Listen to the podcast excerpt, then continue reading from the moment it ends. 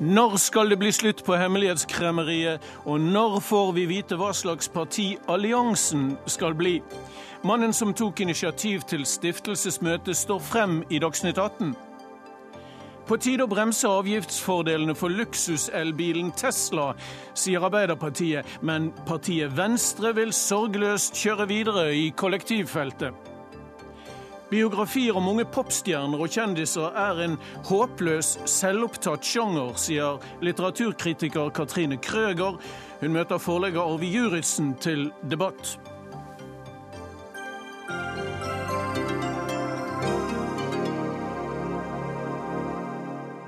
Velkommen til Dagsnytt 18. I studio er eh, Ole Torp. Vi skal også snakke om Per-Mathias Høgmo, som i dag sa takk for seg som landslagssjef i norsk fotball, men han får med seg en millionlønn ut kontrakttiden. Kontrakttiden varer ut neste år. Men altså først i eh, Dagsnytt 18 i kveld, hva slags parti er det de vil starte? De som møttes i en leilighet på Oslos beste vestkant i august, og der fremtredende Fremskrittspartifolk har fått det travelt etterpå med å si at de stakk straks de forsto hva som var på gang. I kveld står han frem, mannen som tok initiativ til møtet, Mikkel Doblaug, investor og gårdbruker, vil bidra til å starte dette partiet, som altså skal hete Alliansen. Mikkel Doblaug, velkommen hit til Tusen hjertelig takk. Kjørt langt for å komme hit i dag fra Vinstra. Ja. og vi er takknemlige for det, selvfølgelig, ja. at du kommer til vårt viktige program. Hva er din påtenkte rolle i dette partiet hvis det blir stiftet som skal hete Alliansen? Du, Jeg uh, har vært med og skrudd sammen dette. Jeg syns det er veldig gøy å jobbe med prosjekter og nye ting. Jeg er veldig glad i strategi veldig glad i å, å, å, være med og starte ting, og en kreativ sjel. Og kan også mye om politikk. Jeg har jo vært i politikken en liten stund, i hvert fall lokalt. Ja, du har vært med ja. i Venstre, I Venstre ja. ja. der oppe på i bygden. Mye ved Venstre jeg fortsatt er glad i. Ja. Eh, det, det, min rolle har jo vært hittil å bringe det frem og, og, og få, få det på beina, om vi får det på beina. Jeg har det veldig bra. Jeg er på Vinstra som gårdbruker og mm. har et veldig godt liv, så jeg har ikke, ser ikke for meg noe liv i politikken, egentlig. Jeg skjønner. Men, ja. men la meg spørre deg. Ja. Det er altså åtte partier på Stortinget. Det ja. betyr at de dekker de fleste områder vi har å streve med i samfunnet. Hvorfor skal da enda et nytt parti være viktig? Du, Det spørsmålet stilte jeg også da jeg ble kontaktet. Eh, Norge trenger egentlig ikke et nytt parti. Det er ikke bare de åtte partiene på Stortinget. Det er masse andre partier som ikke er på Stortinget. Eh, men det vi nå ser, er jo et eh, politisk spill mellom de forskjellige partiene, der man, eh, der man eh, bruker eh, mye tid på på, på spillet istedenfor styringen. Og jeg tror det er veldig mange som, som, som er litt frustrerte over det. Eh, og det er ikke bare vi som holder på med parti, det er mange som driver og skal starte partier rundt omkring i landet. Mm. Og jeg tror det er en, en generell oppfattelse av at at i Oslo-gryta så holder man på med sitt, mens eh, de pragmatiske løsningene de, de, de blir man liksom forbigått litt utenfor. Vi har partier som har tilhørighet til bygden også her i landet? Jo, jo, men eh, jeg har jo bodd i Oslo selv og ja. er jo innom her. Og du skifter jo litt modus operandi når du kommer inn her, vet du. Så det er en liten deg si at dette skal være et, eh, et realpolitisk parti, og ja. at tanken er at dere skal komme dere inn på Stortinget neste høst. Forhåpentligvis. Ja. Det er drømmen, ambisjonen og alt det der. Men mm. hva, hva innebærer realpolitikk i den sammenheng? Realpolitikk er uh, Og Vi kan ikke gå gjennom hele partiprogrammet. Nei, nei, nei, nei Hvis det finnes et uh, ja, Nei, Realpolitikk er uh, pragmatiske løsninger. Bismarck er kjent som en realpolitiker. Han sa jo to ting da som Er Bismarck et politisk ideal? Nei, nei, han sa to ting. At, at det er to ting du ikke har lyst til å vite så mye om, og det er pølser og realpolitikk. Mm. Realpolitikken er ikke så veldig følelsesstyrt. Eh, den, den forholder seg til eh, fakta, realiteter. Praktiske løsninger. Ja, altså som Du har realfag. ikke sant? Mm. Du har altså de som, det er, det er bra at det er realfagstudenter som, som, blir, eh, som, blir, ingeniører og bygger broer. At man ikke bygger broer med følelser. De mm. blir helt sikkert spektakulære å se på på tegnebrettet. Det Er ikke sikkert de tåler jobben når, når, når det kommer til, til stykket, da.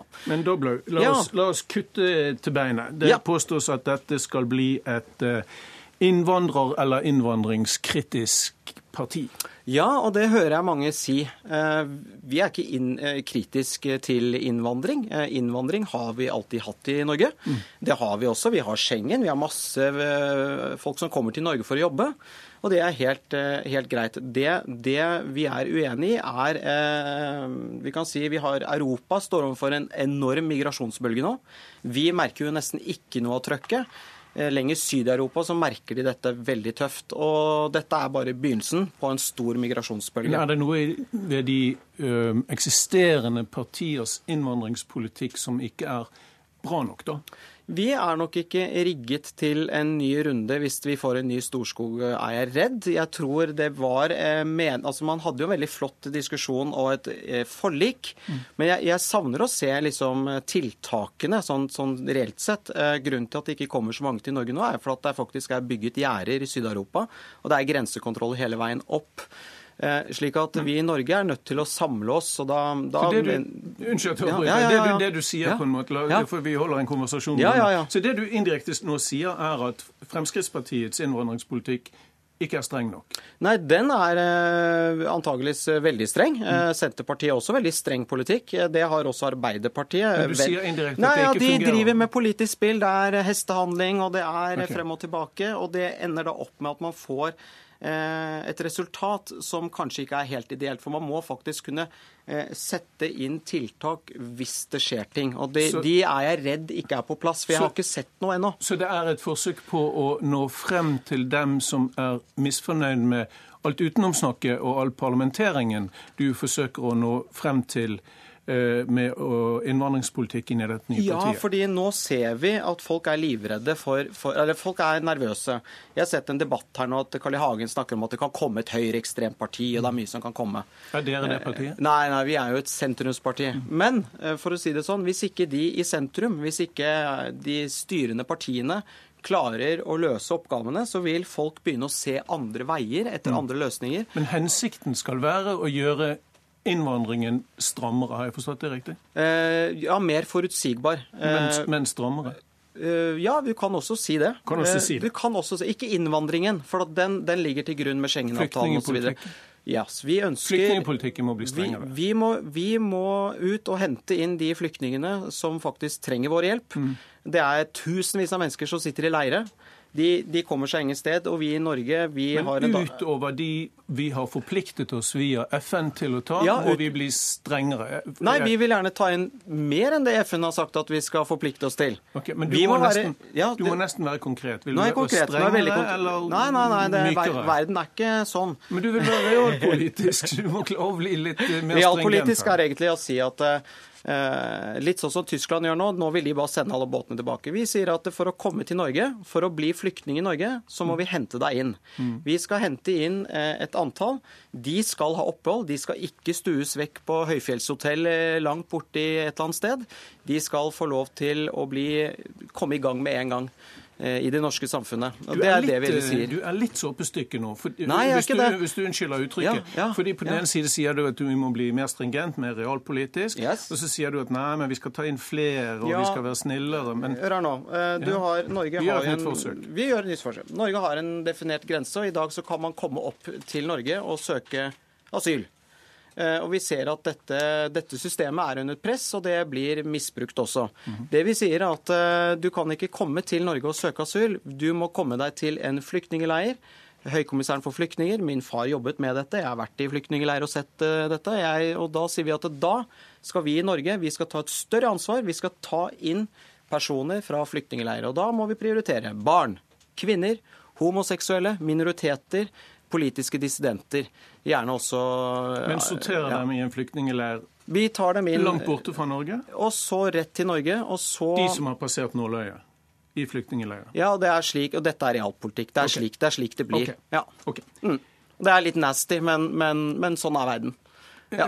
Partiets påtente politikk eller situasjonen som er nasty? Eh, situasjonen er nasty, og, og, noen ganger så er på en måte også politiske løsninger eh, Når de møter realitetene, så blir også løsningene ofte Det er da realpolitikken kommer inn. Okay. Eh, så du kan si at idealene og moralen må noen gang vike for tall, nummer og, og mm. facts. Da. På, på ja. det møtet i august hjemme ja. i din Oslo-leilighet, som jeg omtalte som på beste vestkant, og det er det jo på Gimle, var det kjente innvandringskritiske politikere og personer til stede, må være lov å si det. Det var, ja, ja, ja, det det var Hege Storhaug, det var Kristian og, og, og uh, Tybring-Gjedde og hans uh, hustru. De var involvert.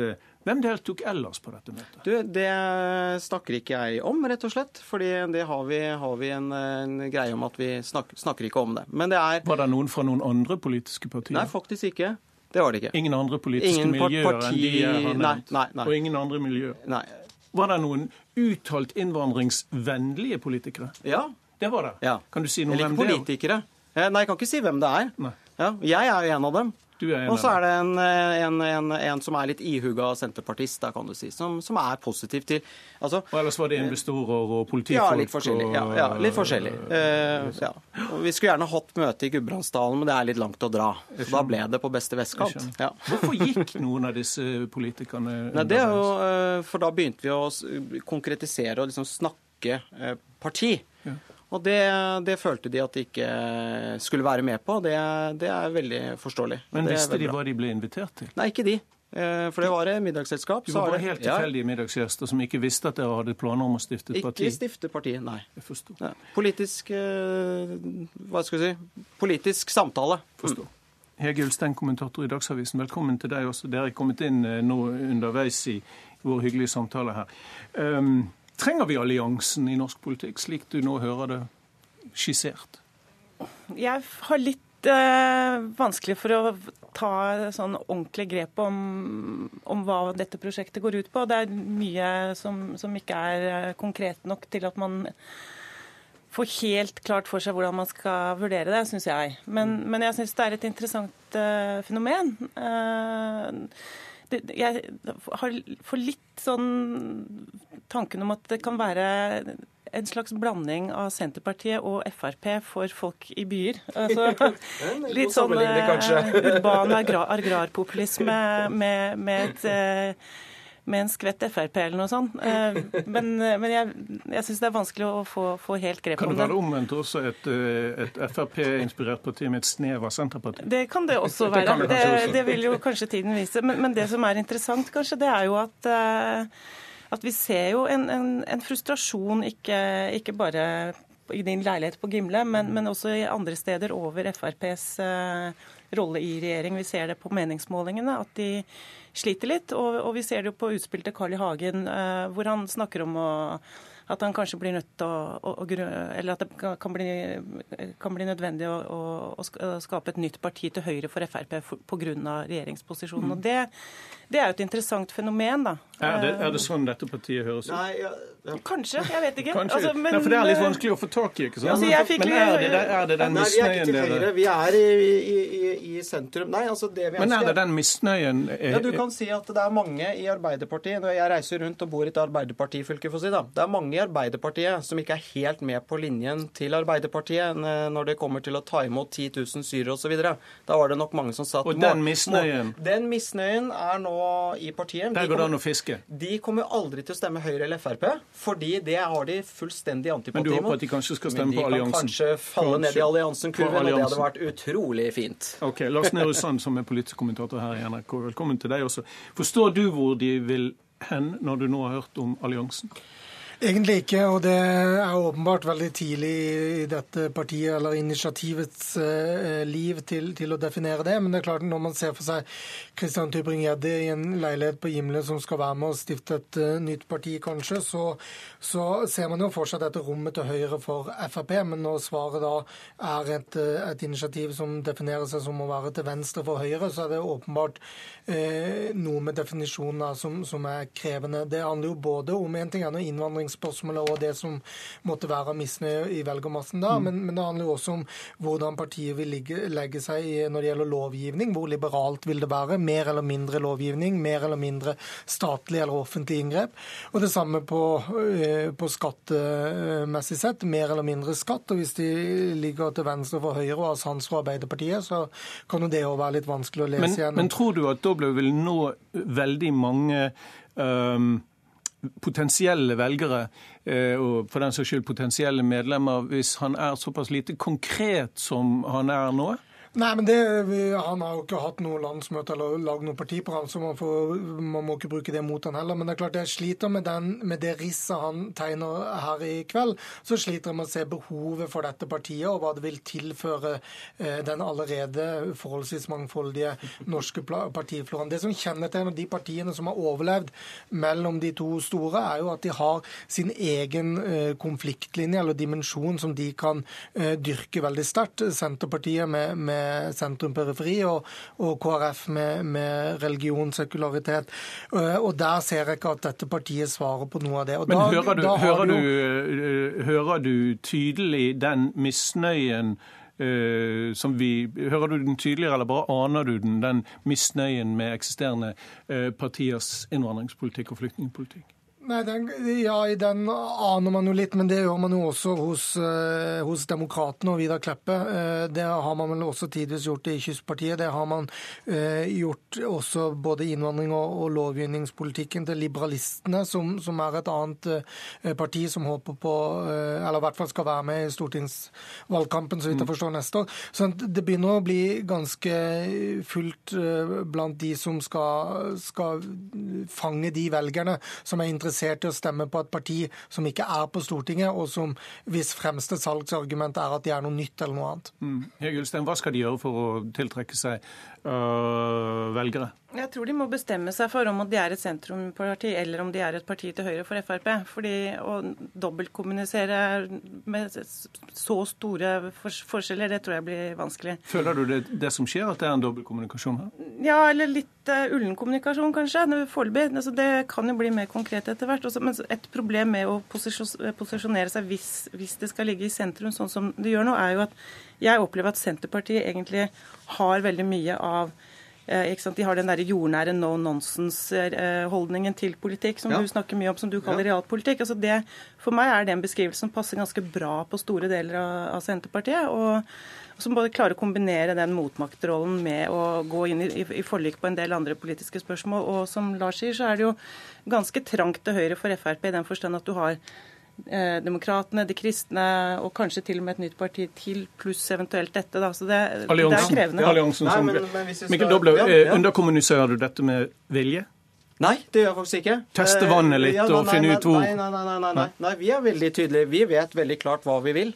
Vi ønsker å være i midten og gi en stabilitet til den regjeringen som altså, Det kommer an på hvilken regjering det er. Eh, om det er, vi kan jobbe både til høyre og til venstre, men vi vil ha igjennom vår, eh, en liten liste med, med, saker. Når den listen er oppfylt, så skal vi være lojale. Vi skal ikke drive og lage sirkus eh, i fire år, sånn som vi ser i dag. Ok. Ja. Vi får se hvordan det går. Eh, det blir spennende å følge med på ja. neste middagsselskap også. Ja, Kanskje du vil være med? Når er det? ja, jeg blir gjerne med og lytter. Tusen takk skal du ha, Mikkel, Mikkel Dobler. Egil Ulstein også, og Lars Nehru Sand. Takk skal dere ha for at dere kom til Dagsnytt 18 i kveld.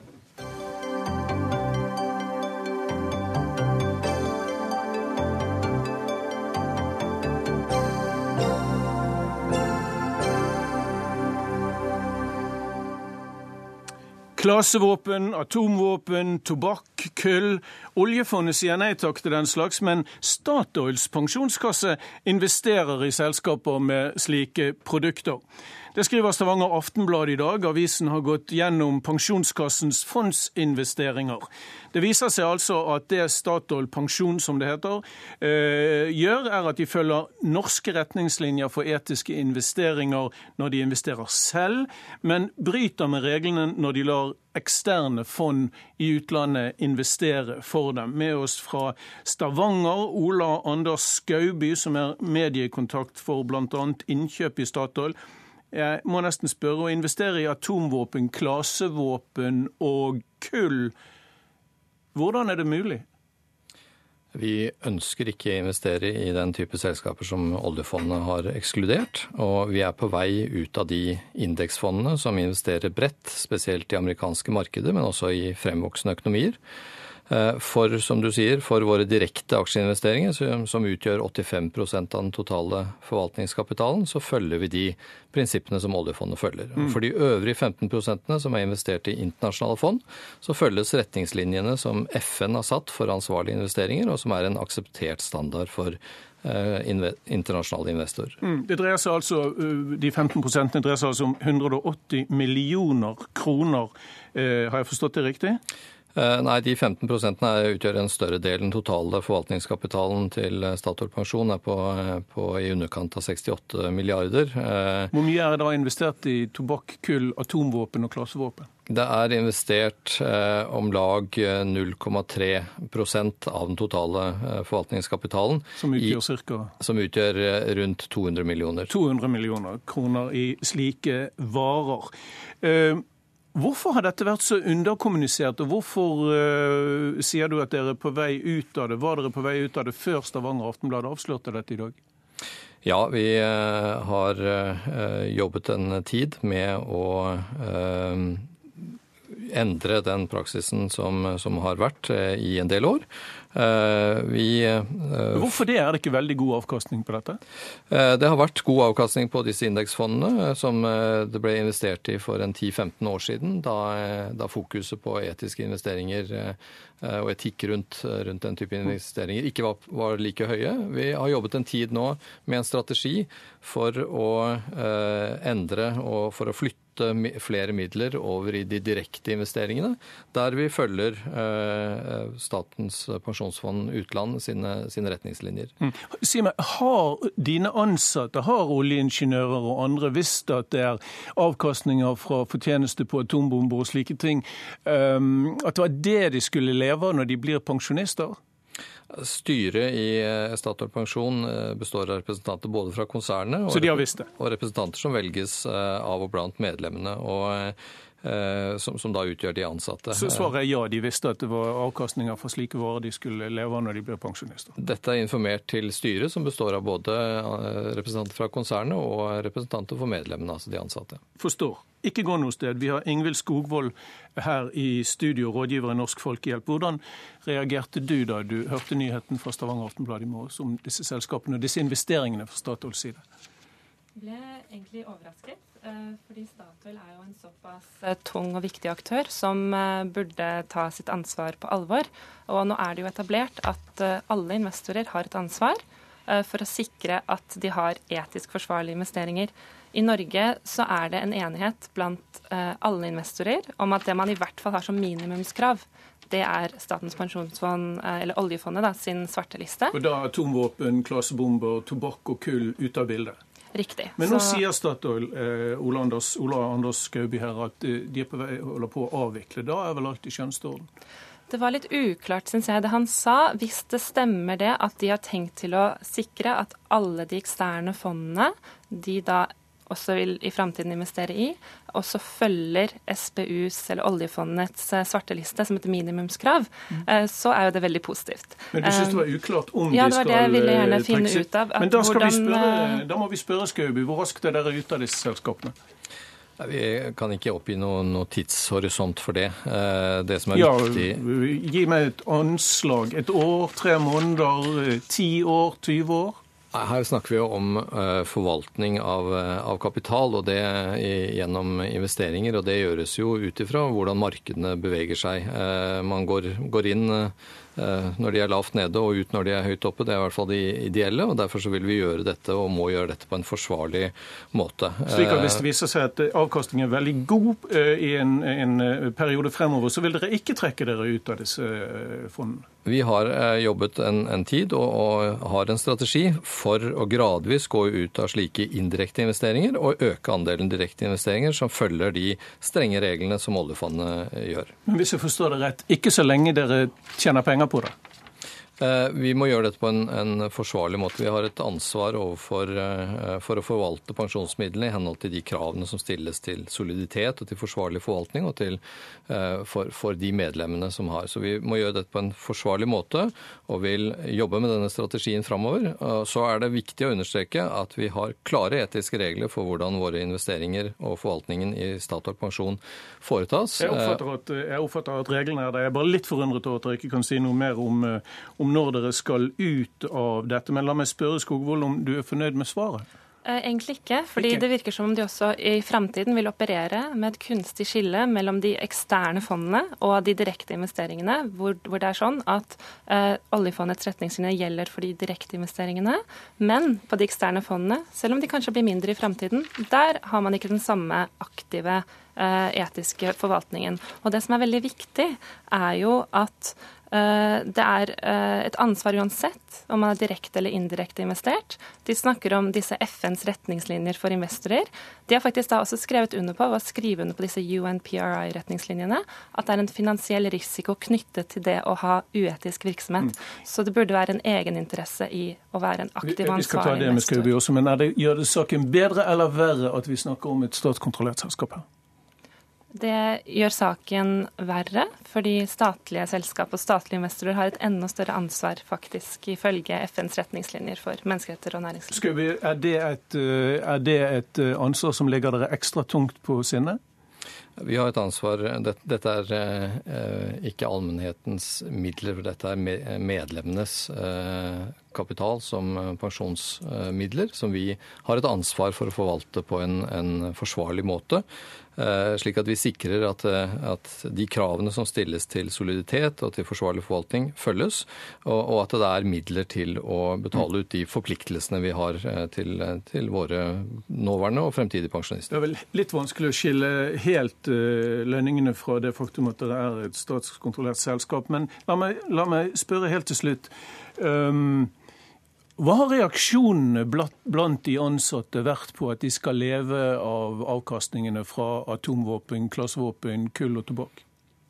Jeg har ikke personlig registrert noen, noen, reaksjoner. Jeg har sett at noen har vært ute i media og, og eh, uttalt seg. Eh, vi har en god dialog med styret i, i Statoil Pensjon rundt denne tematikken, og, og de har engasjert seg både Eh, de ansattes representanter og, og, øvrige i forhold til forvaltningen her. sånn, og Vi fortsetter den gode dialogen mens vi jobber med den strategien som innebærer å gradvis gå ut av slike indirekte investeringer og øke den andelen med direkte investeringer der vi følger oljefondets eh, strenge regler. Ok, Så får vi se hvor lang tid det tar. Takk til Ola Anders Skauby, som er mediekontakt i Statoil, og Ingvild Skogvold i Norsk Folkehjelp.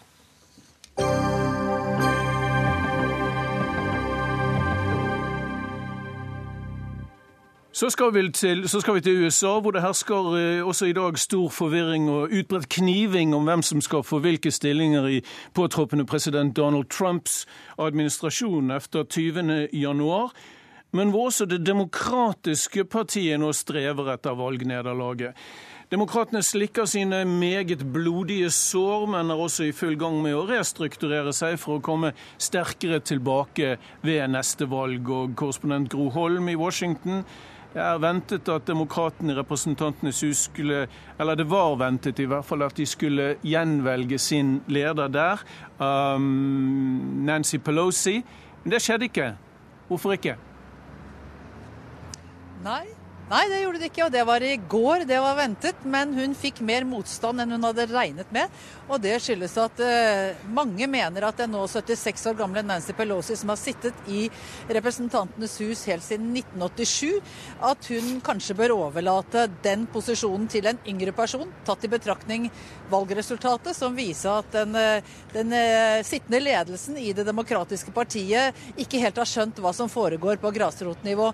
Så hun har en utfordrer fra eh, Ohio, fra det østlige Ohio, med bakgrunn da i det rustbeltet som, eh, Obama, som unnskyld, Trump vant så suverent, eh, og som mener at det er på tide nå at yngre krefter fra andre steder enn California kommer i, i lederstolen. Og Så dreier det seg også om hvem som skal lede Det demokratiske partiet. og Der er det også snakk om å få inn en fra Midtvesten, en afroamerikaner. Keith Ellis, så er det selvfølgelig snakk om hvilken politikk de skal drive. Ja, um President Barack Obama har også uttalt seg om valget og om hvorfor demokratene tapte. Hva er hans hovedteori? Ja, Han kom med en klar pekefinger mot Hillary Clinton eh, da han snakket om dette på mandag. Han sa at eh, nå er det på tide at eh, partiet, eller at kandidatene drar ut for å konkurrere eh, i, i, andre områder. Drar, eh, at de viser seg ute blant folk. Og at, eh, at man henvender seg til dem som er kritiske til eliten. Han gjentok dette også i går i utlandet, i Hellas, og sa at noe av resultatet det skyldes nok at eh, mange her i USA er antiglobalister, og de er kritiske til eh, eliten i, alle partier. Eh, skal vi se for oss Dette var også en klar pekefinger ja. til eget parti om at de nå må tenke annerledes. Men skal vi også, skal vi også se for oss at det demokratiske parti går i en mer liberal eller radikal retning? Ja, Det tror jeg helt sikkert. Uh, Bernie Sanders ble valgt inn i dag i uh, Senatets demokratiske ledelse, altså det uh, demokratiske fraksjonen i Senatet. Og han skal ha ansvar for å strekke ut en hånd til, til fagarbeidere, til arbeiderklassen. Det er hans uttalte oppgave. Jeg tror vi vil få se et parti med mer vekt på økonomisk politikk, mindre på verdikamp. Og da kommer man jo raskt opp i problemer. Hva med klimapolitikken? Eh, det er jo stål- og kullbelte som har stemt inn Trump. Eh, skal man da fortsette eh, å, å gå inn for kraftig kutt i kullindustrien og restriksjoner på olje- og gassvirksomhet? Det, det, blir et dilemma. Og handelspolitikken. Skal man fortsette å støtte frihandel, eller skal partiet gå i retning av mer proteksjonisme, slik Trump står for? Og la oss snakke bitte litt om Trump helt på slutten. Han, det skulle jo ha kommet noen utnevnelser i regjering og administrasjon i går. Skjedde ikke. Kan det skje i dag? Det kan skje i dag. Eh, Trumps sønn Erik eh, Trump eh, sa det på vei inn i heisen i Trump Tower i dag, at det kan komme nye utnevnelser. Men folk som har blitt sparket ut av overgangsteamet, forteller om kaos, uklare kommandolinjer, maktkamp mellom stabssjefen og denne strategisjefen Steve Bannon. De forteller at bl.a. så er da alle som sto nær Chris Christie, den tidligere lederen for overgangsteamet, nå Eh, sparket ut bl.a. de som har med nasjonal sikkerhetspolitikk å gjøre.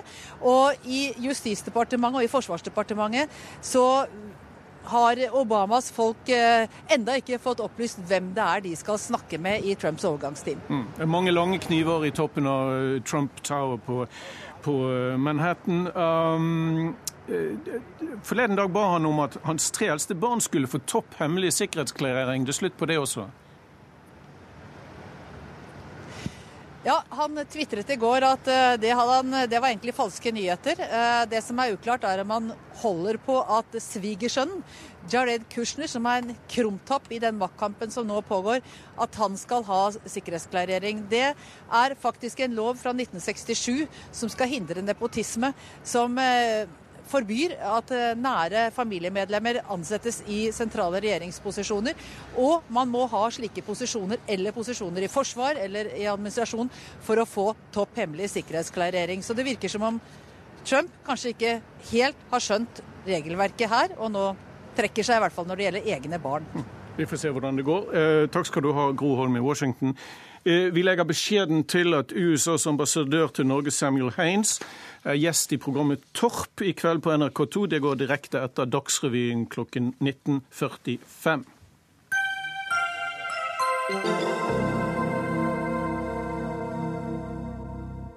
I dag ble det klart at landslagssjef Per-Mathias Høgmo er ferdig som trener for det norske fotballandslaget.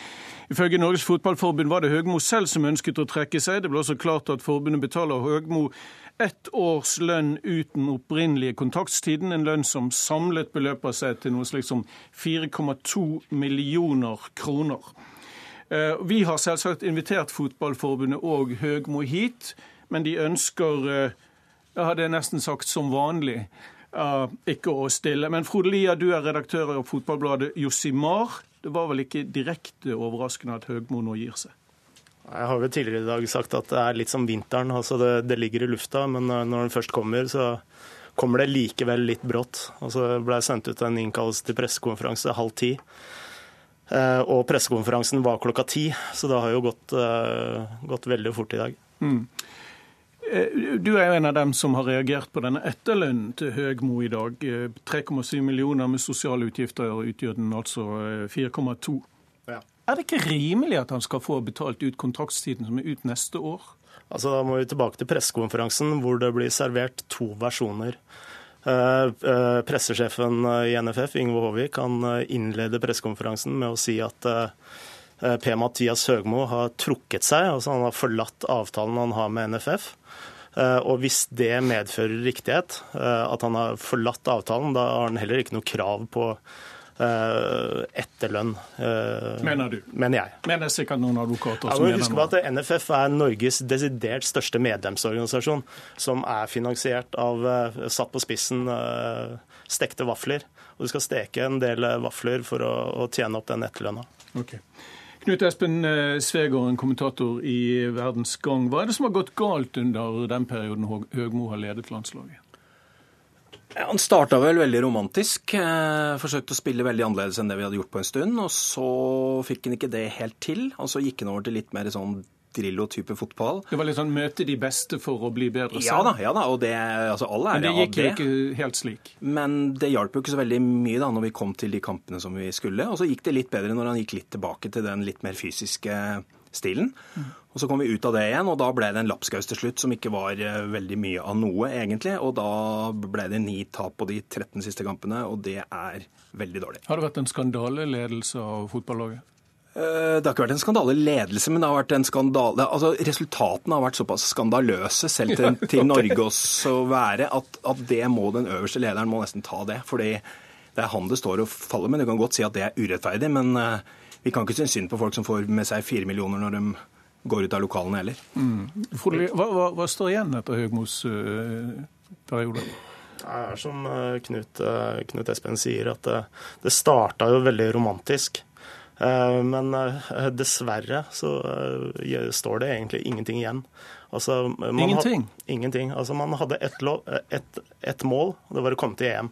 Aldri før har det vært enklere å komme seg til EM. Altså Nærmest halvparten av de europeiske landslagene endte opp i et, uh, et sluttspill, og, og, selv ikke da klarte vi det. Men Du mener at vi var såpass heldige med trekningene rundt omkring at vi skulle teoretisk sett ha rullet hjem? Vi var verken heldige eller uheldige, men, skal, men altså vi var og også huske på at det laget som kom nummer to i gruppa, ble tvangstrukket poeng. Og selv ikke da klarte vi å ende opp topp to. Mm. Så eh, det var et krystallklart mål, og det klarte vi ikke å nå. Eh, og det i tillegg har aldri vært enklere å komme seg til et sluttspill. Mm. hvor går veien videre nå? Nå går veien videre til at forbundet prøver å komme i dialog med FC København, tror jeg, om Ståle Solbakken, som jeg er ganske sikker på er førstevalget, og som er det riktige valget. Eh, om han vil eller ikke, det vet vi ikke. Vi vet ingenting om vi Ståle Solbakken? At, vi vet at det ikke er helt uaktuelt. Det vet iallfall jeg.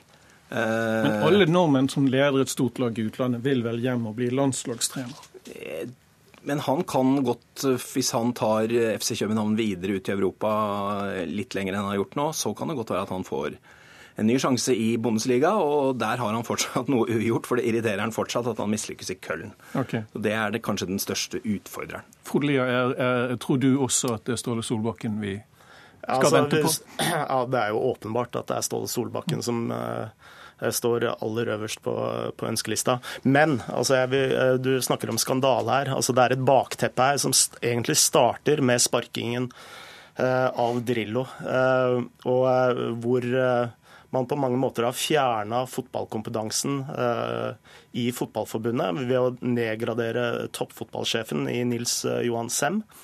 Eh, og hvis du ser på eh, forbundsstyret, så er det vel kun én person med fotballfaglig ballast, Bjarne Berntsen. Eh, og Det er jo der man må starte. Eh, og, altså strukturen innad i NFF i, i, før man i hele tatt begynner å vurdere en ny landslagssjef. Det kan ikke bare være at våre landslagsspillere simpelthen ikke er gode nok, da? Det, det, det kan godt være, men det er faktisk litt viktig for meg å si. fordi at det er veldig mange som sier det, men vi har de spillerne vi har. Eh, Eger Olsen, Drillo har motbevist det faktisk to ganger. Han har tatt over det laget der som tapte og tapte og tapte, som begynte å vinne og vinne og vinne. Derfor så er det fullt mulig. Han bytta et par spillere, skifta system osv., og, så videre, og så begynte laget å vinne. Sånn er det mange klubber som gjør òg. Du har stort sett de samme spillere, men du må gjøre det annerledes. Du må sette dem sammen annerledes. Du må bruke en annen taktikk. Et Brann, kanskje? For eksempel. Det er for eksempel, godt eksempel. på en sesong. Jeg skal ikke bli for nærsynt nå. Men jeg må spørre dere, hvorfor har NFF så vanskelig med å stille opp til debatter om dette? Dette er en eh, helt klart uttalt eh, mediestrategi. Eh, det beviser iallfall at uh, altså, en stor idrett, hele landet er opptatt av det. Ja, altså, det beviser iallfall at påstandene til Terje Svendsen om nådeløs åpenhet bare var, bare var luft. Altså, de, de, bestemmer seg jo på altså, De har jo, som du sier, fått mange sjanser til å stille. og Jeg, jeg, jeg må innrømme at jeg skjønner ikke hvorfor de ikke gjør det. Det, er, det her er ikke noe farlig. Altså, du er, ikke, du er ikke så veldig farlig, du, er du det? Takk skal du ha. OK, vi stopper det der. Takk skal dere ha, begge to. Eh, Frode Lia i eh, Josimar og Knut Espen Svegården i VG.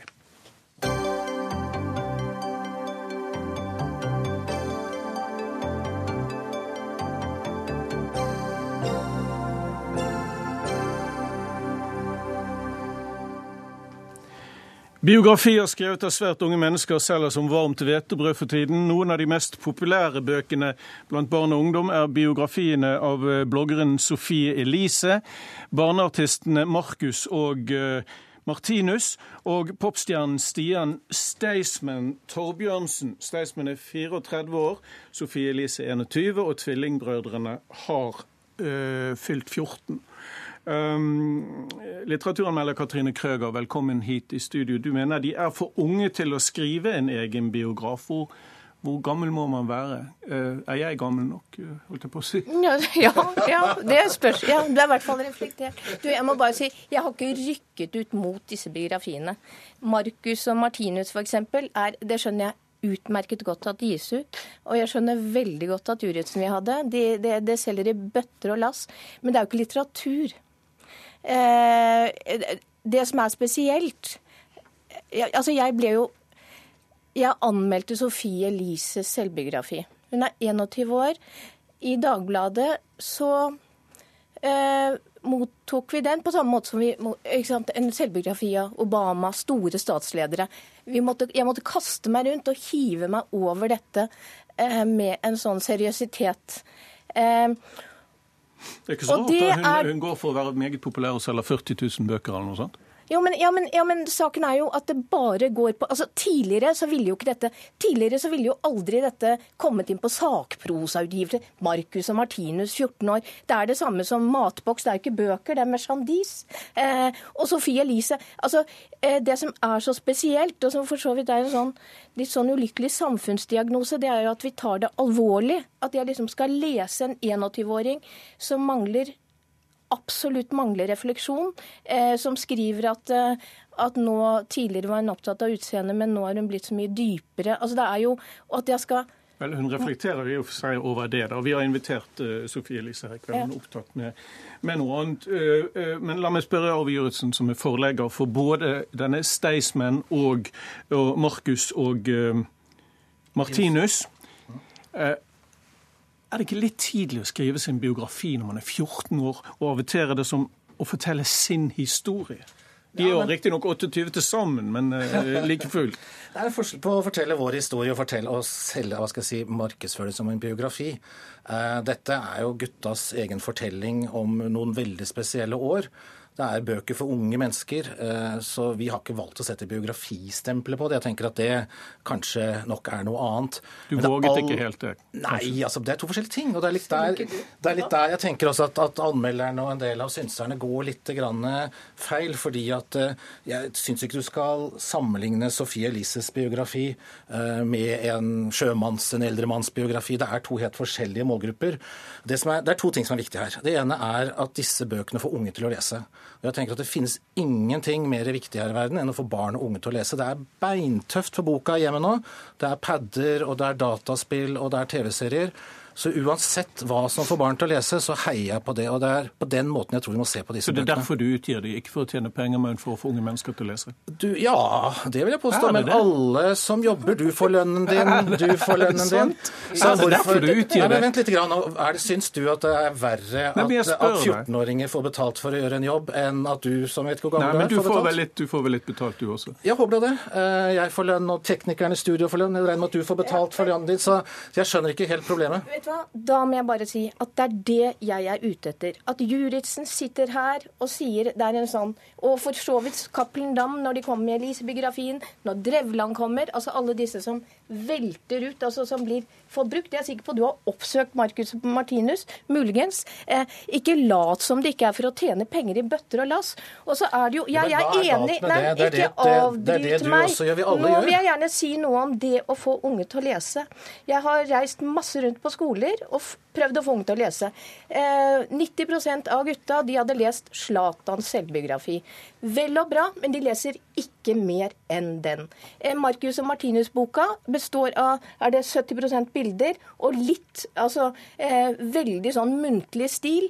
Hadde du vært opptatt av at, de skulle lese, hadde det vært din uh, hovedoppgave, så hadde du skrevet en mye mer litterær bok som gjorde at de kanskje fikk lyst til å lese noe annet. Dette er jo det er som å ha, en plakat på veggen. Så det jeg er ute etter, det er det derre på Lissom-forlagene driver med. Når de, eh, når de, later som det er noe annet enn det du er. Du skal tjene penger. Er ikke det greit? Alle vet jo at du er glad i penger. Det er stort sett derfor de gir ut bøker. For å bli kalt et Lissom-forlag. Jeg skjønner ja. at det er stor aggresjon her. Nei, uansett hvordan boka er skrevet og hvordan en bok er, så er det viktig at barn leser bøker. Og selvfølgelig må en bok for små barn være skrevet på et enkelt og fint språk, og selvfølgelig skal det være illustrasjoner. Det er ingen av de som tar opp Snorres saga og leseren. Så ja, bøker for barn er superviktig, og jeg er helt sikker på at mange som har lest den fotballboka du nevner, eller som leser Marcus eller Martinus og noen andre, oppdager at det fins bøker, og det er bra. Mm, men, men, fastholder du at det er derfor du utgir de, for for å få ungdom til å lese, og ikke for at vi utgir alle typer slags bøker, og alle bøker utgir vi med et håp om at det skal være med å betale lønninger. Mm. Og alle forfattere som skriver en bok, om de er 14 eller 40 eller eldre, håper jo at de skal få betalt for jobben sin. Jeg skjønner virkelig ikke at det er noe å bruke tid på å diskutere. Og så, Katrine Krøger, er det jo et annet poeng her, og det er jo at noen av disse bøkene som selger godt, kanskje holder liv i noen, noen poeter, noen lyrikere som ellers ville fått problemer ut. Kanskje ikke hos Juritzen, jeg vet ikke hvor mye poesi du utgir, men, men det er vel et poeng i vet du hva, Vi har fire debutanter som vi skal ut i etter våren, og de koster penger. Så du er helt riktig. Så du behøver ikke være gøyal med at du ikke i poesi, for vi jobber også med debutanter og skjønnlitteratur. Og poesi? Ikke poesi. Ikke poesi. Torp, det er det motsatte. Altså, Det som er et poeng ikke sant? Jeg som anmelder For ti år siden ville vi aldri hevet oss over Sofie Elise. Du ville for så vidt heller ikke brukt en halvtime på å prøve å få noe vette ut av henne i, i ditt program.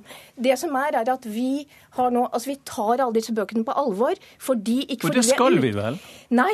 Skal vi altså, ikke det? Nei, nei ta, altså at vi skal anmelde Marcus og Martinus. At jeg skal hive meg over selvbiografien til Sofie Elise. Hun er den hun er.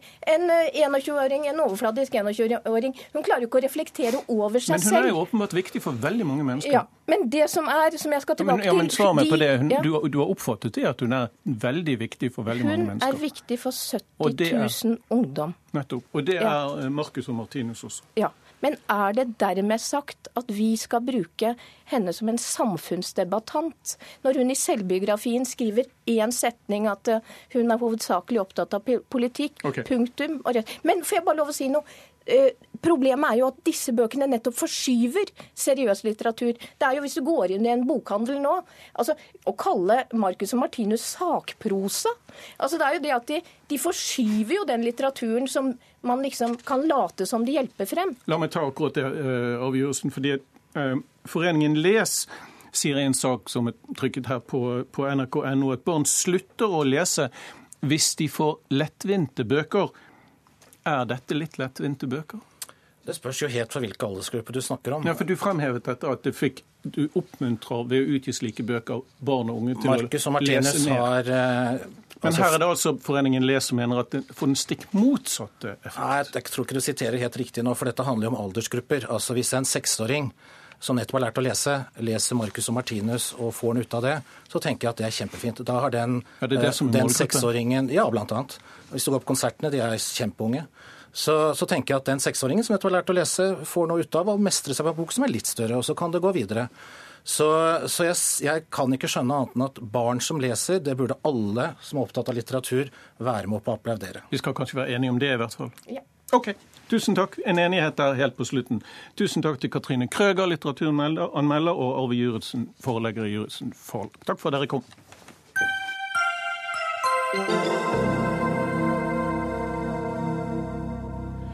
De suser av gårde, fritatt for engangsavgift og moms, med nesten symbolsk årsavgift.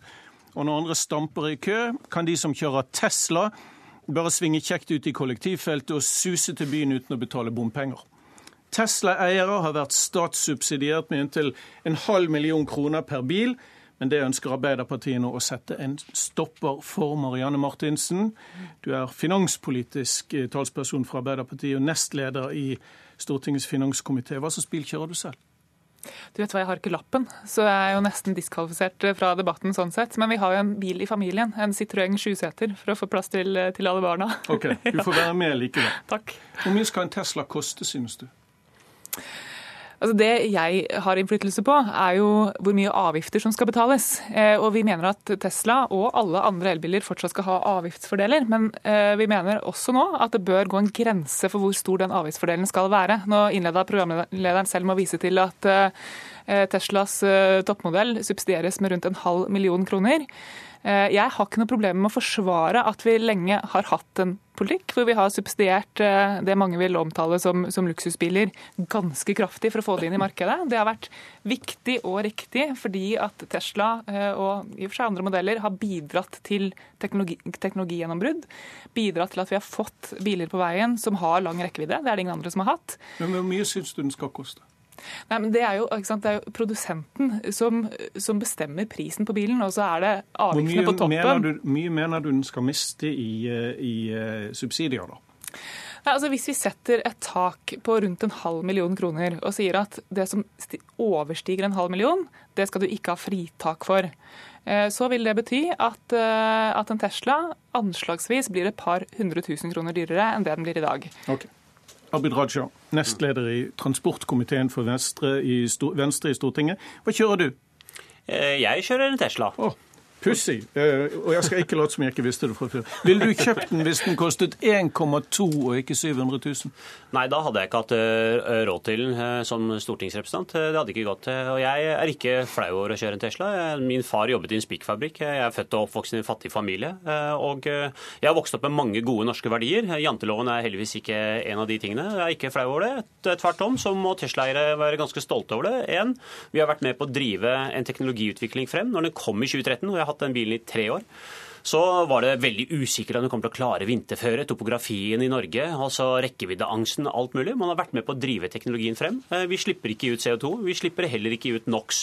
Så det er kjempebra. Dere slipper en god del avgifter ja, på ja, men hvis du, hvis, du, hvis du, skrur tida tilbake noen år eh, og, og, og sier at altså, hvis noen for fire år siden hadde sagt at eh, vet du hva, bare om fire år så kan du sette deg i bilen i Tromsø i en elbil og kjøre den til Barcelona, så hadde folk sagt vet du, det går ikke an. Og I dag er det en realitet. Og Dersom Arbeiderpartiets politikk ble innført for fire år siden, så hadde det bare vært en science fiction. Vi hadde ikke fått sett den realiteten. Og Hvis vi stanser den utviklingen nå, så får vi dessverre ikke den teknologiutviklingen som vi fortsatt eh, venter på, som skal skje. Men denne elbilpolitikken var det jo vi som innførte. Vi, vi har ment at det er helt riktig at vi skulle ha en kraftig avgiftssubsidiering eh, av både Tesla og andre elbiler. Men nå er det altså mange modeller på vei inn i markedet som har lang rekkevidde. Dette er en teknologinøtt som vi har løst. Tesla 3-modellen, eller Folketeslaen som, eh, som den nå går under, vil jo ha en pris på rundt 300 000 kroner, har det blitt antyda. Den vil være godt innafor dette avgiftstaket. Men dere satte ikke noe tak den gangen dere, dere uh, satt med makten? Nei, det gjorde vi ikke fordi at vi mente at det ikke var riktig på det tidspunktet. Og som jeg sier, vi forsvarer at vi har hatt denne avgiftsletten for også de aller dyreste bilene, fordi at disse bilene har stått for et teknologigjennombrudd. Vi har vært interessert i å få til den beskrivelsen som Abid eh, Raja kommer med her. Så det du sier er at det er på tide å sette på bremsen? Ja, for alle har vært Nå vet enige. vi det vi trenger å vite om ja, disse alle har vært enige om at dette har vært nødvendig å gjøre en periode, og så vil man på et tidspunkt måtte begynne å stramme inn. Og det at vi nå får en masse nye modeller inn i markedet, inkludert eh, en ny Tesla-variant som, som er rimeligere, som vil ha lang rekkevidde, og som folk flest eh, vil ha råd til å kjøpe, det gjør at vi tenker at når vi skal bruke milliarder av kroner, fordi det er det det er snakk om, på å subsidiere inn elbiler i det norske markedet, så er det volum som teller nå. Få inn mange elbiler. Vi har som mål at det bare skal være nullutslippsbiler i salg i Norge fra 2025. Nå var det veldig mye å ta tak i her. Eh, Altså, det, Ta en ting av gangen, du. Ja, altså det første så Nå er Marianne økonom, så det er ikke noe subsidiering. Det er ikke sånn hvis jeg går og kjøper en, en elbil, så får jeg en sum penger av, av staten. Så det er jo avgiftslettelse i utgangspunktet snakker om. Og det hun snakker om at vi skal gi eh, den lille bilen som kommer nå, at den kommer da til å få de samme eh, Kommer ikke til å få de store, store ulempene så jeg tror jeg man skal heller måle seg med de antall barn som du har. Så du sier du trenger en sjuseter. Jeg trenger også en sjuseter, for eh, vi har en stor familie. Eh, Og veldig mange bruker da nettopp Teslaen eh, som et alternativ til en større eh, diesel, en større forurensende bil. Fordi det er den eneste bilen på markedet i dag som er langdistansebil. De andre bilene har veldig mye mindre rekkevidde. Okay, men- Og så er det en del ja, men, ja, Torp, nå har jeg bare så vidt starta. så er det slik at det andre biler har annonsert at de kommer med eh, elbiler som skal ha tilsvarende batterikapasitet som Tesla, som nettopp Toyota, Mercedes, Audi osv. Men, eh, men, det- men f.eks. Audi og Passat har jo sagt de kommer ikke med før 2020. Så hvis du innfører en, en avgift på 200 000 på Tesla, vet du, vet, du hva, hva, vet du hva som kommer til å skje? Det som kommer til å skje er at De som har råd til å kjøpe Tesla, vil kun være rikingene i Norge. For det er kun rikingene som har råd til å betale 1,2 millioner kroner for en bil. Vanlige folk har ikke det. Og hvis okay. du går inn på Finn i dag men du, du nei, på nå, nei, nå vil jeg avbryte deg. for Ifølge Dagens Næringsliv så skriver mye om dette for tiden, apropos, apropos apropos rikfolk. Er det registrert altså 12 730 Teslaer i Norge. Ni av ti kjøpere er menn. Disse mennene tjener i gjennomsnitt 1,1 million kroner i året. Det er kanskje ikke de som trenger mest hjelp fra Ja. staten. Nå er det, sånn, nå er det noe, med å regne gjennomsnittslønna til folk. Altså hvis en, Det høres ikke ut, en, hvis en ikke ut 50 som mil- har problemer. Ja, Hvis den ene tjener eh, 50 mil og den andre tjener 1 mil, så får jo gjennomsnittet bli jo veldig høyt. Eh, Så det er det ene. Men det andre Ikke tull, da. Jo da, men, det- men det er vi- ikke sånn Vi snakker om et gjennomsnitt som er relativt representativt. Det sånn at behøver ikke være økonom for å forstå at det er relativt velstående mennesker som Ja, ja, det er absolutt. Det er en dyr bil. Men det er ikke slik at 13 000 av de som kjører elbil, Tesla elbil i dag, er de 13 000 rikeste i Norge. Og det andre Det er at Tøy- Tøy-undersøkelsen viser, altså Transportøkonomisk institutt viser at det det er faktisk slik at det er færre elbil, Tesla-elbileiere som har en familieinntekt over 1 million, hvis du sammenligner med de menneskene i Norge som kjøper nye biler. Så hvis du går inn og sammenligner de som kjører en Tesla-bil og kjøper ny bil, så er det faktisk de som kjøper en ny bil, eh, er det gjennomsnittlig flere som har høyere inntekt enn det, enn det Tesla har. Så det, det er det segmentet man eventuelt da skal sammenligne det med. Men hele hovedpoenget er at vi må drive teknologien fremover, ikke stansen, for teknologien skal fortsette å utvikle seg. Og det vil Arbeiderpartiet stoppe, og det er litt gammeldags. Og Marianne Martinsen, vil det ikke være fryktelig synd hvis man da eh, lot dem som har råd til å kjøpe såpass relativt dyre biler, valgte heller å kjøpe en bensin- eller dieselbil for den saks skyld? Jo, men vi Og hvis skal dere ikke... skrur av den, Nei, vi skal ikke skru den av. Vi, vi mener jo fortsatt at Tesla og alle andre elbilmodeller skal ha avgiftsfordeler, men vi setter en grense for hvor stor den kan bli. Alle, her om større, alle større biler, selv om Audi og Passat osv. kommer med det, de vil ikke få disse, da, Det er jo ikke noe poeng for kommer... de produsenter å lage de bilene. For da vil jo de ikke være noen som vil ha råd til å kjøpe det, med unntak av de rikeste. Men ærlig talt, du vil fortsatt få en avgiftsfordel på flere hundre tusen kroner, selv om du setter en grense, si på en halv million, på prisen på bilen. Og nå er, det, sant, nå er det flere modeller på veien i markedet. Både av de rimeligere, som har lang rekkevidde, men også i luksusbilsegmentet. Porsche har varsla, Jaguar har varsla at de har elbiler på vei inn i markedet. Ja, men ingen vil ha råd til å kjøpe det. Det er jo det som er greia. Nei, men, men poenget her er at hvis dette systemet skal ha legitimitet, hvis folk skal slutte opp rundt prinsippet om at vi skal avgiftssubsidiere elbiler inn i markedet, så må vi faktisk sette en grense altså- for hvor store subsidier én enkeltperson kan motta. Det er mange elbiler inn i markedet som teller nå. Dette skal vi ha folk eh, med på. Eh, Og da mener vi at det er rimelig at, eh, at, vi setter en grense et sted for hvor, hvor store subsidier eh, man kan få. Altså Da er det bare 3 av bilmarkedet i Norge som er nullutslippsbiler. Og det er kun 10% av de elbilene i Norge i dag som er Tesla. Altså Folkebilene er helt annerledes. Men litt av poenget er at hvis du nå stanser denne utviklinga, så vil ikke de andre store bilprodusentene ha noe grunn til å lage disse bilene. For de lager jo disse bilene som en konkurranse til Tesla, for de mener at dette her, de må inn i det markedet og konkurrere. Så det er litt gammeldags Arbeiderpartiet. Må også huske at Arbeiderpartiet, det de sjøl gjorde satt i regjering, var jo at de faktisk innførte en avgift på biodiesel. Og så eh, ga de lettelser til dieselbilene. Nå har de heldigvis snudd på den politikken, for de innrømmer at det var feil. Men eh, Oslo-lufta eh, er jo forurensende lidende under den politikken som ble innført i 2007, når dieselbilsalget eksploderte under Arbeiderpartiet. Så jeg tror ikke Arbeiderpartiet har den beste forståelsen for miljøpolitikken. Ok, Vi må stoppe der. Vi fikk ikke tid til å snakke om stereoanlegg og ekstrautstyret som også er eh, subsidiert på disse bilene, men det får vi ta neste gang. Takk skal dere ha. Música